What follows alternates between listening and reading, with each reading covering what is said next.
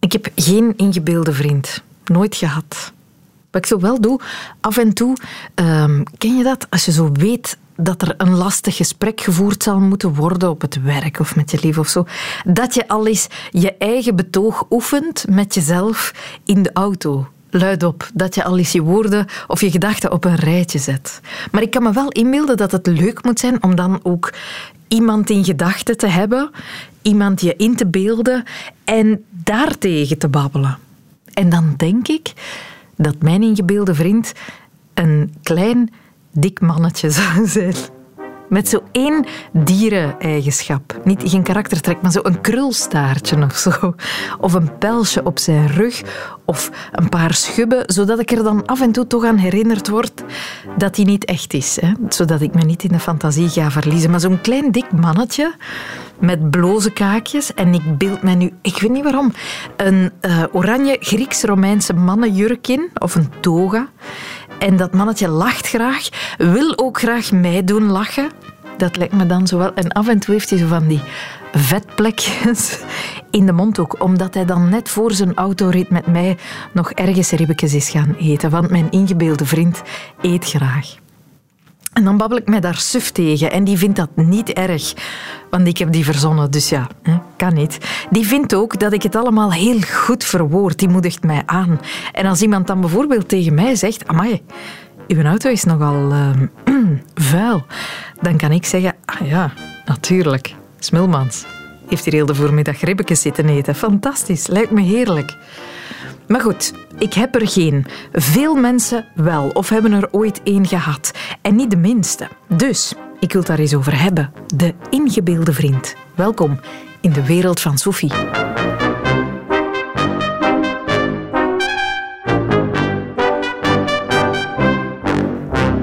Elvis Costello, die zingt over een ingebeelde vriend op dit nummer.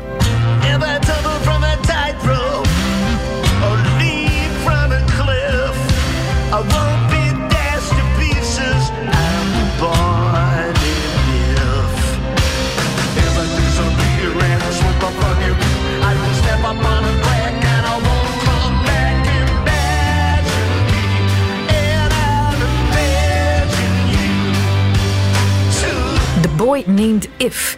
Titelsong van een nieuw gelijknamig album. En If is kort voor Imaginary Friend, obviously.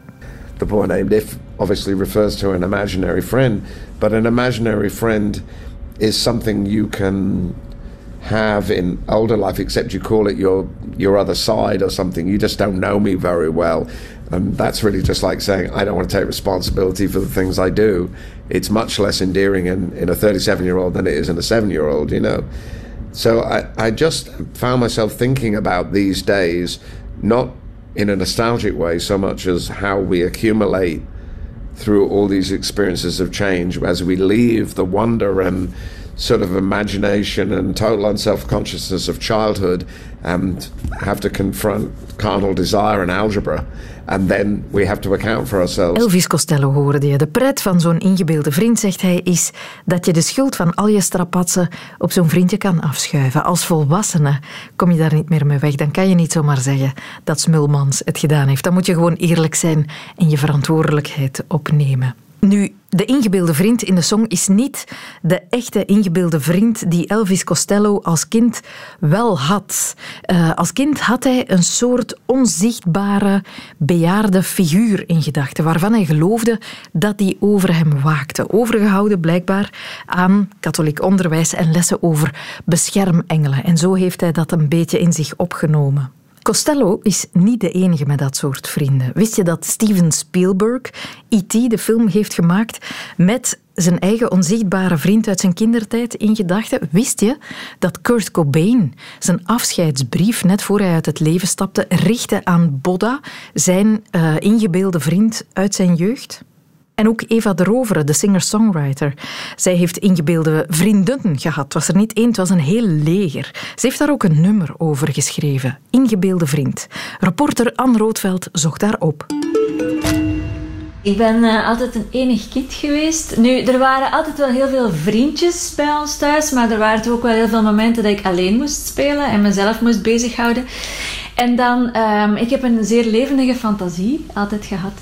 En um, dan kwamen er heel veel personages aan te pas. Maar ja, ik kon die niet allemaal zelf spelen. Dus die begonnen zich dan in mijn hoofd te ontwikkelen. En uh, soms dan, moesten mijn poppen of mijn beren eraan, uh, eraan geloven. En die moesten dan spelen dat ze het andere personage waren. Maar soms was het ook gewoon ikzelf die soort van conversaties met mezelf voerde. Maar dan in mijn gedachten was ik dan wel iemand anders. Dat was eigenlijk soms best wel interessant om zo zeer levendige conversaties met jezelf te voeren. En dat gebeurde heel dikwijls in mijn hoofd. Dus niet per se hardop. Ook wel eens, want mijn moeder die, die, die zegt dat wel, die vertelt dat wel van ja, dan hoorde ik u spelen en van alle stemmetjes doen en zo. Uh, terwijl dat je toch helemaal alleen waart. Dus dat is wel grappig. En ik speelde ook gezelschapsspelletjes tegen mezelf. Tegen een fictieve spelpartner.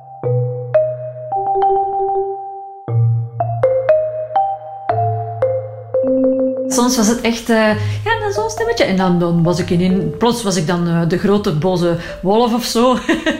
en dan was het dat kleine meisje weer. Dus ja, dat, dat deed ik wel. Uh, maar ik, ik, nam ook um, radioprogramma's op in mijn eentje. en dan speelde ik ook alle personages. Dat was niet omdat ik, uh, omdat ik mij per se alleen voelde en, en een vriendje miste of zo. Maar uh, ik denk, ja, kinderen hebben sowieso een levendige fantasie. Hè? En, en uh, ik verzon ook heel graag verhalen. En ja, en die verhalen, da daar, daar kwamen dan eh, ja, prinsen en prinsessen, maar ook trollen en kabouters in. En, uh, of uh, de postbode die iets kwam langsbrengen, heel eenvoudig. Of de juffrouw die iets moest aanleren aan de kindjes in de klas. Echt van die hele banale dingen ook. Um, ja, en dan... dan dan kwamen dat, in mijn verhalen, in mijn hoofd kwamen er heel veel personages. Misschien was het ook wel omdat ik heel veel boeken las. En soms dan speelde ik zelfs die verhalen na van die boeken. Uh, maar ja, als je dan geen broers of zussen hebt, dan, uh, dan moet je dat alleen doen. Dus uh, vandaar kwamen er dan mijn gefantaseerde vrienden bij.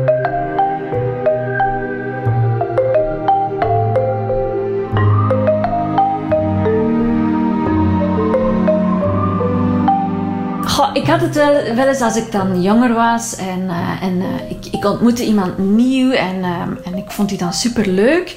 Dat ik dan na het feestje of na de vuil of zo, dat ik dan in mijn bed lag en ik dan begon te verzinnen uh, dat hij ook geïnteresseerd was in mij en wat, hoe, wat dat we dan tegen elkaar zouden zeggen en uh, hoe dat we dan over de straat zouden lopen samen of uh, waar we dan naartoe gingen op reis of zo. Ik kon dat echt, echt zo'n heel verhaal verzinnen. Het is, dat, dat mindert met ouder worden, dat heb ik wel wel gemerkt, maar toch Um, dat je een soort van band opbouwt met iemand die je eigenlijk helemaal niet kent. En ze noemen dat dan premature hechting.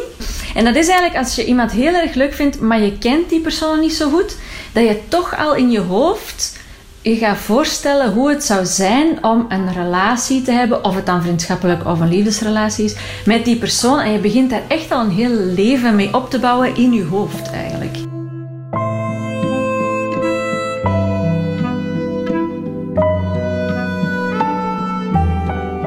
Dat kan een probleem vormen. Uh, bij mij is dat gelukkig, heeft dat gelukkig nog nooit een probleem gevormd, maar, um, of is dat nog nooit een probleem geweest, maar dat kan wel een beetje uh, eng worden, omdat daar, uh, ik, ik heb dat wel eens voor gehad, dat als je heel vriendelijk tegen iemand bent, en zeker als je op een podium staat en zo, en mensen uh, hebben het gevoel dat ze een band met je hebben, natuurlijk door je muziek, maar ook als je dan daarna daarmee babbelt, na een concert, zijn er soms mensen die zich beginnen te hechten aan u als persoon. En dat is natuurlijk, kan een beetje vreemd worden, want die gaan dan, je merkt dan dat die allerlei verbindingen verzinnen. En als je gewoon vriendelijk bent, dat die dat voor iets anders aanzien. Dat die denken dat, jij zelf ook geïnteresseerd bent in hen. En dat, zo komt stalking een beetje op gang natuurlijk. Eh, of kan dat op gang komen. En, dus dat kan best wel eng zijn ook.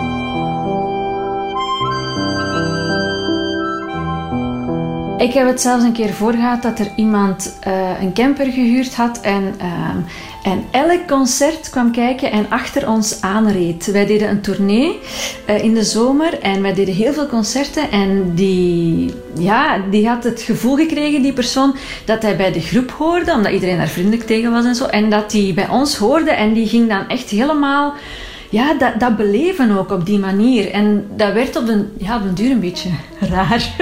en een beetje beangstigend. Ja, ja uh, dat is niet meer aan de hand, gelukkig. En er zijn mensen die ergere dingen hebben meegemaakt, dat weet ik, want ik hoor best wel eens verhalen. Dus dat, ehm, ja, dat is een, een, een hechting die niet natuurlijk is en die eigenlijk ook niet echt gezond is.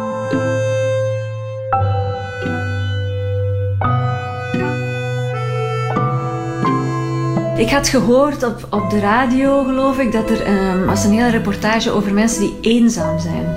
En dat er best wel veel mensen uh, redelijk eenzaam zijn. En dat zal nu met heel de lockdown uh, gegeven en, en, en uh, met corona er niet beter op geworden zijn. En dat die mensen dus heel vaak um, ja, met imaginaire vrienden zelfs naar de winkel gaan of zo. Dat hoeft niet altijd relationeel te zijn, dat kan ook gewoon vriendschappelijk zijn. Omdat ze dan niet het gevoel hebben dat ze alleen over straat moeten lopen.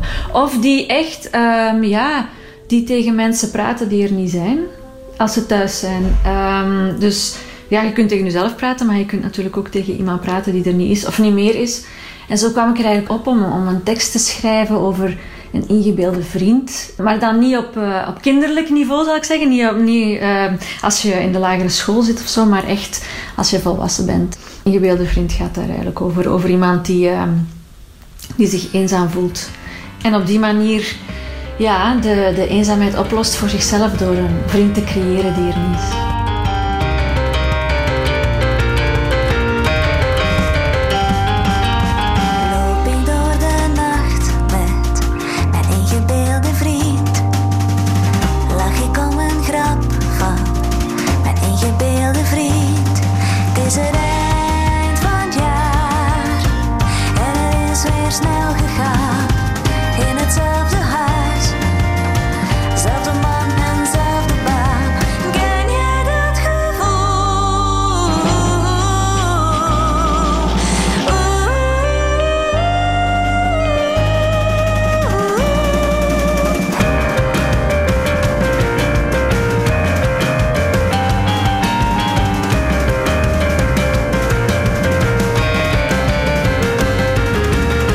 Eva Droveren en haar ingebeelde vriend. Waarom construeren we zo'n figuren? Hè? En kan dat kwaad om zo'n onzichtbaar iemand overal met je mee te nemen? Dat vroeg ik aan hoogleraar klinische psychologie en psychoanalyse aan de UGent, Stijn van Heulen. Maar het komt het meest voor bij, bij jonge kinderen. Hè? Maar ook bij volwassenen kan het effectief voorkomen dat er zo'n ingebeelde persoon is waarmee dat er eigenlijk hele dialogen en gesprekken gevoerd worden. Ah, moh, fascinerend. Laat ons beginnen bij uh, de kindjes. Uh, waarom creëert een kind een ingebeelde vriend? Ja, bij een kind zien we dat eigenlijk als een, uh, als een stap in de ontwikkeling. Dus eigenlijk een ingebeelde vriend is een vorm van doe-alsof-spel. Ja, want er is eigenlijk geen echte persoon aanwezig, maar het kind speelt alsof dat er een echte persoon aanwezig is. En eigenlijk is dat een vorm van spel die gaat plaatsgrijpen op het moment dat een kind stappen zet in het abstract denken. Mm. Dus eigenlijk het kunnen mentaal uh, situaties en personen oproepen die in de realiteit niet aanwezig zijn, dat is eigenlijk iets dat geoefend wordt op die manier. Ja, ja. Uh, dus dat klopt klassiek via fantasiespel. Uh, maar kinderen die minder met andere kinderen aan het spelen gaan, omdat ze dat niet zo graag doen, of omdat ze daarvoor minder kansen krijgen in een context, omdat ze alleen als enig kind opgroeien bijvoorbeeld, die kunnen dan effectief een vriendje gaan maken in een, in een, in een beleving waarmee dat ze in interactie treden. En dan gaan ze eigenlijk, ga je eigenlijk zien bij zo'n kindjes dat die gaan ze gesprekken gaan voeren. Mm -hmm. Dat zijn echt dialogen die zij spelen. Uh, alsof dat er iemand aanwezig is. Uh, en ja, in de fantasie komen er ook antwoorden wel echt voor dat kind. Want dat is echt een onderhandelingsproces die op die manier loopt. Ja, ja, ja. Rond over welke leeftijd spreken we dan ongeveer? Goh, dat gaat eigenlijk over lagere schoolkinderen. Mm da daar treffen we dat eigenlijk aan. Ja. Uh, en dat is dus een... Rond het eerste leerjaar kan dat ongeveer starten, maar dat kan een beetje blijven duren doorheen de hele periode van de lagere school. En dat is een normale fase in de ontwikkeling van een kind. Dat is niks om je bijvoorbeeld als ouder zorgen over te maken. Nee, dus op zich is dat inderdaad niet problematisch. Omdat, je, zoals ik aangaf, dat is eigenlijk een, een oefenen, zou je kunnen zeggen, in, in het denken over realiteiten en met realiteiten die niet in de werkelijkheid aanwezig zijn. En abstract denken bestaat daar nu eenmaal uit. Mm -hmm. En dan verdwijnt dat ook weer, zo spontaan als het ontstaan is? Ja, dat zal inderdaad verdwijnen op het moment dat een kind eigenlijk ja, met, met andere uitdagingen komt te zitten, cognitief. Uh, en dat is bijvoorbeeld op het moment dat, er ook, dat, dat een kind zijn eigen identiteit meer begint daarover na te denken. Wie ben ik als jongen, wie ben ik als meisje, wat zijn vriendschappen, wat zijn relaties. op het moment dat die vragen eigenlijk naar boven komen, dan gaat eigenlijk het fantasiespel een stuk verminderen.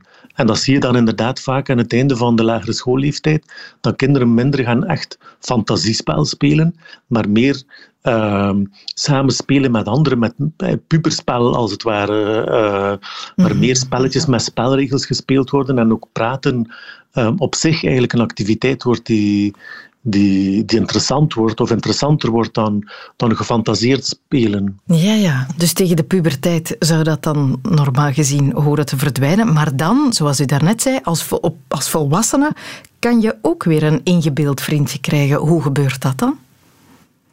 Wel, eigenlijk moeten we zien van um, wat gebeurt er op dat moment. Hè? Dus wat we zien gebeuren bij ingebeelde vrienden, dat is dat er een soort rollenspel ontstaat. Een rollenspel waarbij dat er inderdaad dialogen zijn, waarbij de mensen het gevoel hebben dat ze met iemand praten, maar in een, typisch voor een ingebeelde vriend is dat mensen weten dat dat een fantasiepersoon is, dat die persoon er niet echt is. Hè? Mhm. Ehm, dus die dialoog treedt op. En om te snappen waarom dat, dat gebeurt, moeten we eigenlijk gaan kijken naar de context van iemand. En eigenlijk hebben we dat net al gedaan bij die kinderen. Want bij die kinderen hebben we nu eerst gefocust op de ontwikkelingscontext. Mm Dus er wordt een stap gezet in abstract denken. En dat is een van de contexten waarbinnen dat, dat kan optreden. Maar er zijn ook andere contexten die een rol kunnen spelen. En bijvoorbeeld vereenzaming kan daarbij een trigger zijn waarop dat eigenlijk ingebeelde vrienden eigenlijk ontstaan. Ah ja. Maar om dat heel concreet te maken, dat kan bijvoorbeeld zijn, iemand verliest zijn partner. Mm Een persoon met wie dat je jarenlang hebt samengeleefd. Um, en dat is goed mogelijk dat die persoon in de maanden na het overlijden van de partner, dat hij daar eigenlijk blijft tegen praten. Bijvoorbeeld tijdens het koken in de keuken, de persoon staat helemaal alleen, maar dat hij blijft eigenlijk uh, praten met de partner alsof dit er was. dat er gevraagd wordt of, of opmerkingen gegeven worden over de dag of, of opmerkingen over de maaltijd.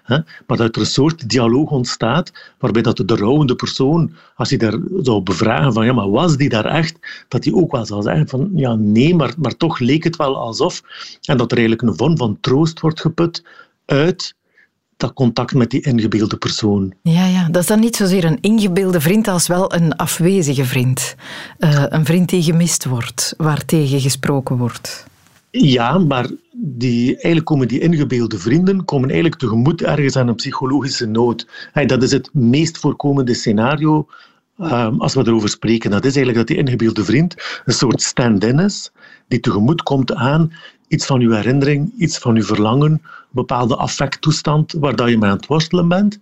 Uh, en dan treedt er een vorm van gemis op. En op dat punt kan er eigenlijk een ingebeelde vriend komen die u mhm. helpt om met die worsteling om te gaan. Ja, ja, klinkt als wel een, hoewel misschien niet helemaal rationeel of zo, maar wel als een soort goedaardige aanwezigheid in het leven van die mensen dan. Ja, dat klopt. En vandaar dat we dat eigenlijk ook ingebeelde vriend noemen. Hè. Dat is niet toevallig. Hè. Mhm. Eh, vriend, dat wil zeggen dat dat eigenlijk typisch is dat dat een vriendelijk karakter heeft. Dus dat die persoon eigenlijk effectief tegemoet komt aan een stuk van de psychische noden van de persoon in kwestie. Bijvoorbeeld aan de eenzaamheid. En dan komt er eigenlijk een, een gesprekspartner uh, ingebeeld aanwezig. Of bijvoorbeeld bij het voorbeeldje die jij gaf van um, Elvis Costello. Um, nu, ik, ik, ken zijn situatie niet specifiek en zijn ingebeelde vriend niet specifiek, maar daar, daar verwees je naar schuldgevoel bijvoorbeeld. Hè. Mm dat kan perfect ook. Dus eigenlijk dat er een moreel dilemma is bij iemand. Um, bijvoorbeeld, ja, uh, ik doe bepaalde negatieve zaken en dat dat in, in dialoog verschijnt ten aanzien van die imaginaire vriend. En dat er een stuk wordt verweten, bij wijze van spreken, ten aanzien van die imaginaire vriend, van je hebt mij meegesleept om bepaalde zaken te doen. Maar dan krijg je ook op die manier toch weer opnieuw de uitdrukking van een bepaalde psychologische nood of een, ja, of een spanningsveld waar iemand zich in bevindt. Ja, ja, ja. Is het op, op volwassen leeftijd op een of andere manier problematisch als je zo'n ingebeelde vriend voor jezelf ontwikkelt of niet? Wel, um, we hoeven dat op zich niet te problematiseren, nee. Um, maar het kan natuurlijk problematisch worden, of, of bij sommige personen heeft het wel ook een ander statuut.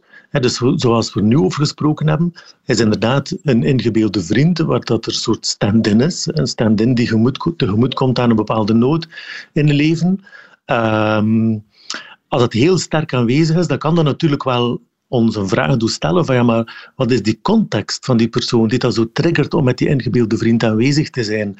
En dan kan je bijvoorbeeld wel zien dat iemand die bijvoorbeeld heel sterk vereenzaamd is of heel sterk een behoefte heeft aan, aan relationele nabijheid van iemand anders en dat eigenlijk mist, dat kan natuurlijk wel op dat punt wel een signaal zijn mhm. van uh, ja, die persoon worstelt met iets en in zijn gewone leven slaagt hij er niet in om daar vorm aan te geven. Dat kan, maar dat hoeft niet noodzakelijk zo te zijn. dus eigenlijk is bijna een ingebeelde vriend ook een, een, spontane poging van een psychisme om toch wel een evenwicht te vinden, om toch wel tegemoet te komen aan een bepaalde nood. Ja, ja die ingebeelde vriend is het probleem niet. De context zou mogelijk problematisch kunnen zijn. Ja, ja. Zo is dat inderdaad. Ja. Bestaan er ook kwaadaardige, ingebeelde vrienden? Bah, ingebeelde smeerlappen dan? Het is zeker zo. En dan kom je eigenlijk bij, bij eigenlijk een tweede vorm waarin dat, dat kan ontstaan. Eigenlijk een ingebeelde persoon, hou dat eerder zeggen, in plaats van een ingebeelde vriend. Uh, maar dat is dat dat eigenlijk ook kan optreden op de grens eigenlijk van een soort verstoorde realiteitsbeleving dus eh, stel u voor, dat is eigenlijk een beetje in, de, in een soort overgang naar psychotische belevingen. wat mhm. zijn psychotische belevingen? Dat is bijvoorbeeld iemand die, die stemmen hoort, hè? Ja. die een bepaalde boodschappen vertellen. Dat is typisch voor een hallucinatie in de context van psychose. Maar kenmerkend voor zo hallucinaties is dat dat eigenlijk uh, stemmen zijn of boodschappen zijn die op een of andere manier vreemde boodschappen brengen. Boodschappen die je niet snapt. En dat is het tegenovergestelde van wat er gebeurt met een ingebeelde vriend, zoals we daarnet over spraken, als een stand-in. Die ingebeelde vriend die, geeft, die, die, is betrokken in dialogen die de persoon zelf ook begrijpt. Het is echt een wisselwerking. Terwijl bij ingebeelde personen, als dat meer in de richting van een verstoorde realiteitsbeleving is, dan gaat dat eigenlijk um, dat gaan vreemde boodschappen zijn die gegeven worden. Mhm. Maar één manier voor, voor mensen om daarmee om te gaan, met dat soort boodschappen, is ook daar eigenlijk een soort personage rond ontwikkelen. En er is iemand die mij bepaalde zaken vertelt. En dan kan er ook een dialoog ontstaan. Hij gaat eigenlijk een persoon door daar een door, hij gaat iemand door daar een ingebeelde persoon van te maken van die stem, gaat hij ook proberen om daar een omgangsvorm mee te vinden. Mhm. ja. Dus ook hier weer is de ingebeelde persoon eigenlijk niet zozeer het probleem, maar een poging voor iemand, van iemand om daar een soort consistentie van te maken, om dat eigenlijk ook te bevatten wat dat er verteld wordt in je hoofd. Ja, maar dat is, neem ik aan, de uitzondering. Dat soort gefantaseerde personen die je leven komen verstoren. Wel, ik, ik, zou zeggen dat dat bij volwassenen dat die twee scenario's even goed mogelijk zijn. Want het is niet dat die ingebeelde vriend, zoals in die song van Elvis Costello, dat dat zo heel frequent voorkomt. Mm. Dus dat, uh, ook, ik, allez, ik heb eventjes gecheckt voor het interview hier of dat daar eigenlijk ook cijfermateriaal rond is. Ah, ja. En eigenlijk is daar nauwelijks cijfermateriaal rond verzameld. Dus wat we wel hebben in de literatuur, dat zijn beschrijvingen van bij volwassenen dat dat voorkomt, die ingebeelde vrienden. Um, en dan zie je eigenlijk die twee scenario's. Een soort een stand-in, waar er echt een vriendschappelijke relatie mee is, die tegemoet komt aan een psychologische nood, versus eigenlijk um, meer een, een persoon die iets vreemd vertelt, maar waarmee dat er vervolgens in een dialoog wordt aangegaan, waardoor dat, dat een onderdeel wordt toch wel van, van, van een belevingswereld. Dus de, de grens eigenlijk van, die, van de realiteitsbeleving. Mhm. Zou het kunnen dat creatievere mensen meer de neiging hebben om uh, een schare vrienden om zich heen te gaan creëren? Wel, ik denk dat wel, dat dat er inderdaad een stuk samenhangt. Want allez, bij kinderen, als dat doe-alsof-spel is, dat, wat is creativiteit? Het is eigenlijk in je hoofd en in je beleving helemaal eigenlijk werelden oproepen die niet bestaan. Dat is net creëren. Dat is niet puur de werkelijkheid afbeelden, maar werelden oproepen, mogelijke werelden oproepen. En dat is exact wat iemand doet ook met een ingebeelde vriend. En dat is een één mogelijke wereld oproepen waarbij dat er iemand zou zijn die er in de werkelijkheid niet is. Dus een kind die daar sterk in opgaat, daar zullen we inderdaad wel van zeggen, het is een kind met veel fantasie, maar dus in die zin bijna per definitie ook een kind die creatief is. Want het roept mogelijke realiteiten op die we in de empirisch niet kunnen observeren. De wereld van Sophie.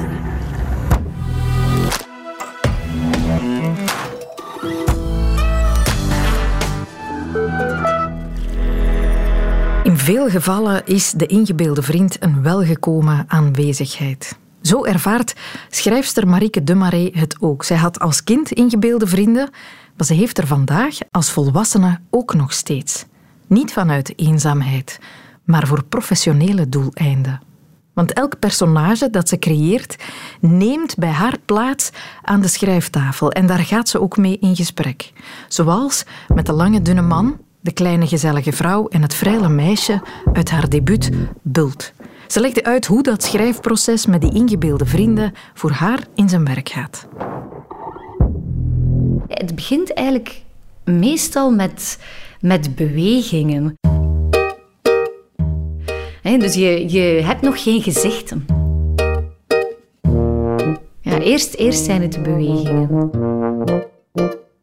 En, en, eh, en blikken geleidelijk aan blikken dan, denk ik wel. En dan komt daar eens een geluid bij en, en voilà. Ja.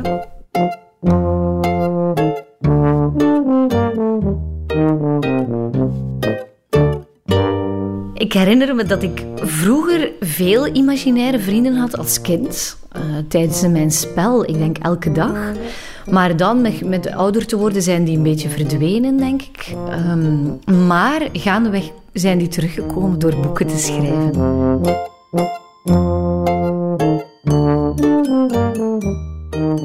Uh, meestal voilà, zit ik hier eigenlijk aan deze tafel. En ik sla mijn computer open, er is een wit blad. En ik leun achterover en dan kijk ik gewoon naar buiten meestal. Naar mijn personages die daar dan zitten. En meestal in het begin zwijgen die, die hebben niks te vertellen. En dan denk ik, oh nee, ik ga geen goed boek schrijven, want mijn personages hebben niets te vertellen. Maar je moet ze tijd geven. Ik zie die zitten. De ene is wel dikker dan de andere, de langer dan de andere. Want ik heb ook een lange, slanke man in mijn boek. Ehm, dat is het eerste wat ik zag. Die is lang en slank en zo een beetje stijf en houterig. En die oudere vrouw in mijn boek, dat is, uh, dat is een gezellige. En, um, en die jonge vrouw is vrijler, die, die ja, die, die is heel uh, vrij, zo vrij karakter. Die, die zitten daar dan, alle drie. En dan geleidelijk aan komen er gesprekken naar boven. Hè. Hoe voelen die? Hoe voelen zij zich? En dan beginnen er dingen naar boven te komen. En dan gebeurt het gewoon dat ik, dat ik gewoon luidop aan het praten ben. Hier, hier in mijn living.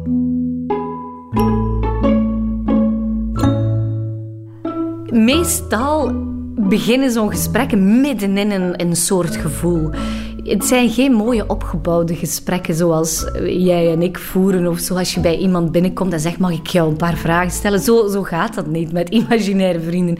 Je begint gewoon echt midden in een actie, denk ik. En, en ja, heel vaak. Ja, ik kan dat gewoon niet anders uitleggen dan dat ik gewoon begin te praten. Uh, en, en dat ik gewoon luid op ja, de dingen begin te zeggen hoe zij zich voelen. Ik heb dat heel vaak ook op de fiets. En, en als, ik, als, als ik aan het fietsen ben, dat ik dan plots merk, oei, jij bent hier gewoon nu luid op aan het praten. En dan, dan was ik even verdwenen. Of dat, als mensen mij dan zien passeren. Er zijn vrienden die mij zeggen van, hé, hey, ik heb jou zien passeren, maar je waart terug aan het praten. En nu kan je dat dikwijls in de nieuwe wereld, kan je dat dikwijls linken aan mensen hebben oortjes of, of uh, bij zich omdat ze aan het bellen zijn. Maar bij mij is dat meestal omdat ik gewoon luidop, luidop gesprekken aan het voeren ben met mijn, met, met mijn personages. En dat is de, de beste manier om ze te leren kennen gewoon.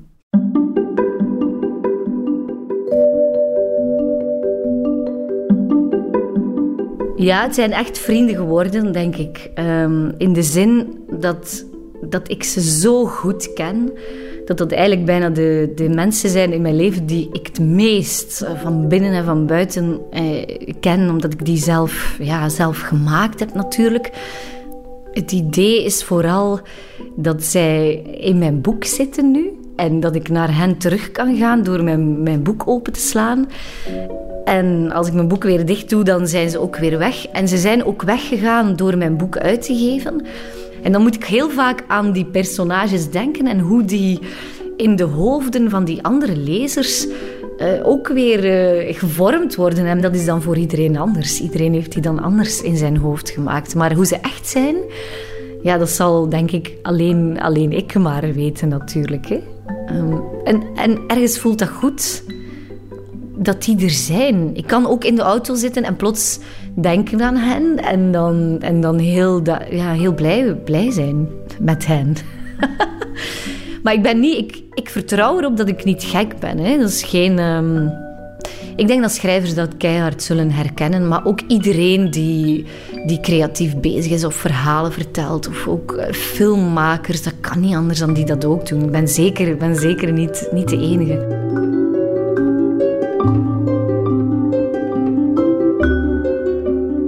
Ik herinner me dat ik, dat ik vroeger um, speelde ik vaak alleen. Ik heb twee oudere broers, we speelden ook wel vaak samen, maar uh, ik had dan toch andere dingen waarmee ik speelde. En dat was heel vaak met imaginaire vrienden gewoon. En luid op babbelen met hen.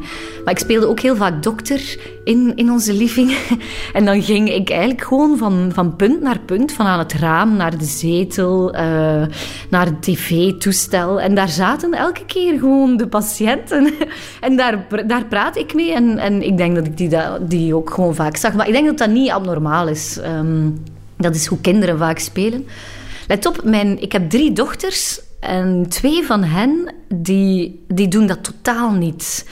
Maar mijn, mijn derde dochter, dat is de enige die dat wel heeft. En met, met haar zie ik dat allemaal terug naar boven komen, hoe ik vroeger, eh, hoe ik vroeger was.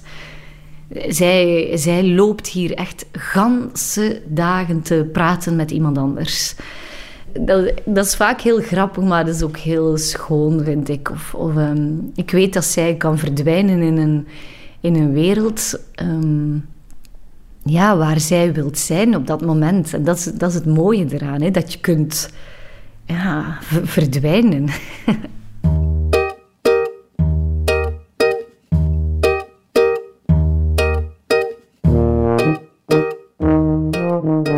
denk dat het een voorrecht is van de natuur als je dat gekregen hebt. Dat je dat kunt hebben, imaginaire vrienden. En ja, ik kan daar eigenlijk alleen maar blij om zijn, omdat het ervoor zorgt dat je op eender welk moment uh, in, in de dag, maar ook in je leven, ergens naartoe kunt en, en met iemand praten. En, en dat dat dan alleen maar deugd kan doen. En je maakt die imaginaire vrienden uiteraard zelf, waardoor je zelf beslist hoe ze zijn. Het zorgt voor heel veel reflectie natuurlijk. Hè. Je, praten met imaginaire vrienden gaat vooral over jezelf. En het zijn misschien allemaal... Ik, ik zet ze misschien soms buiten mij. En het is misschien gek om te zeggen, ze zitten aan een tafel. Maar eigenlijk zitten ze in mij natuurlijk. Uh, daar, daar gaat het vooral over, denk ik.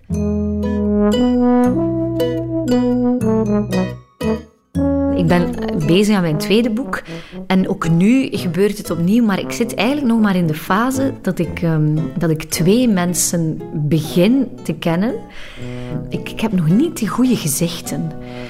Ze zijn er al. Ik zie een man en een vrouw zijn er al. En ik zie hun bewegingen. En ik weet, ik weet hoe ze over... Uh, over de straat wandelen. En, en dat is bij allebei iets totaal anders in mijn hoofd.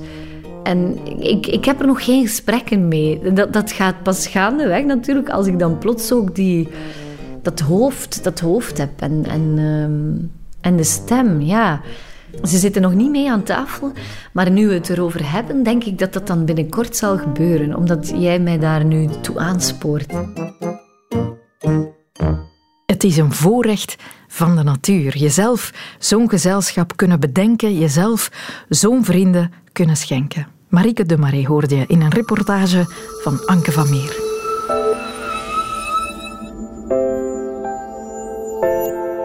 Dit was de wereld van Sophie over ingebeelde vrienden. Zoals u voor mij een beetje een ingebeelde vriend bent, eigenlijk. Als u meer van mij, uw vriendin, wil horen, dan kan u altijd abonneren. Dan komen de nieuwe podcasts u vanzelf tegemoet. En daarnaast sta ik dagelijks voor je klaar op Radio 1. Dat is van maandag tot vrijdag telkens van 10 uur tot 12 uur. Dus heel graag tot gauw. Dit was een podcast van Radio 1. Ontdek nog meer podcasts van Radio 1 in onze app en op radio1.be. Radio 1. Altijd benieuwd.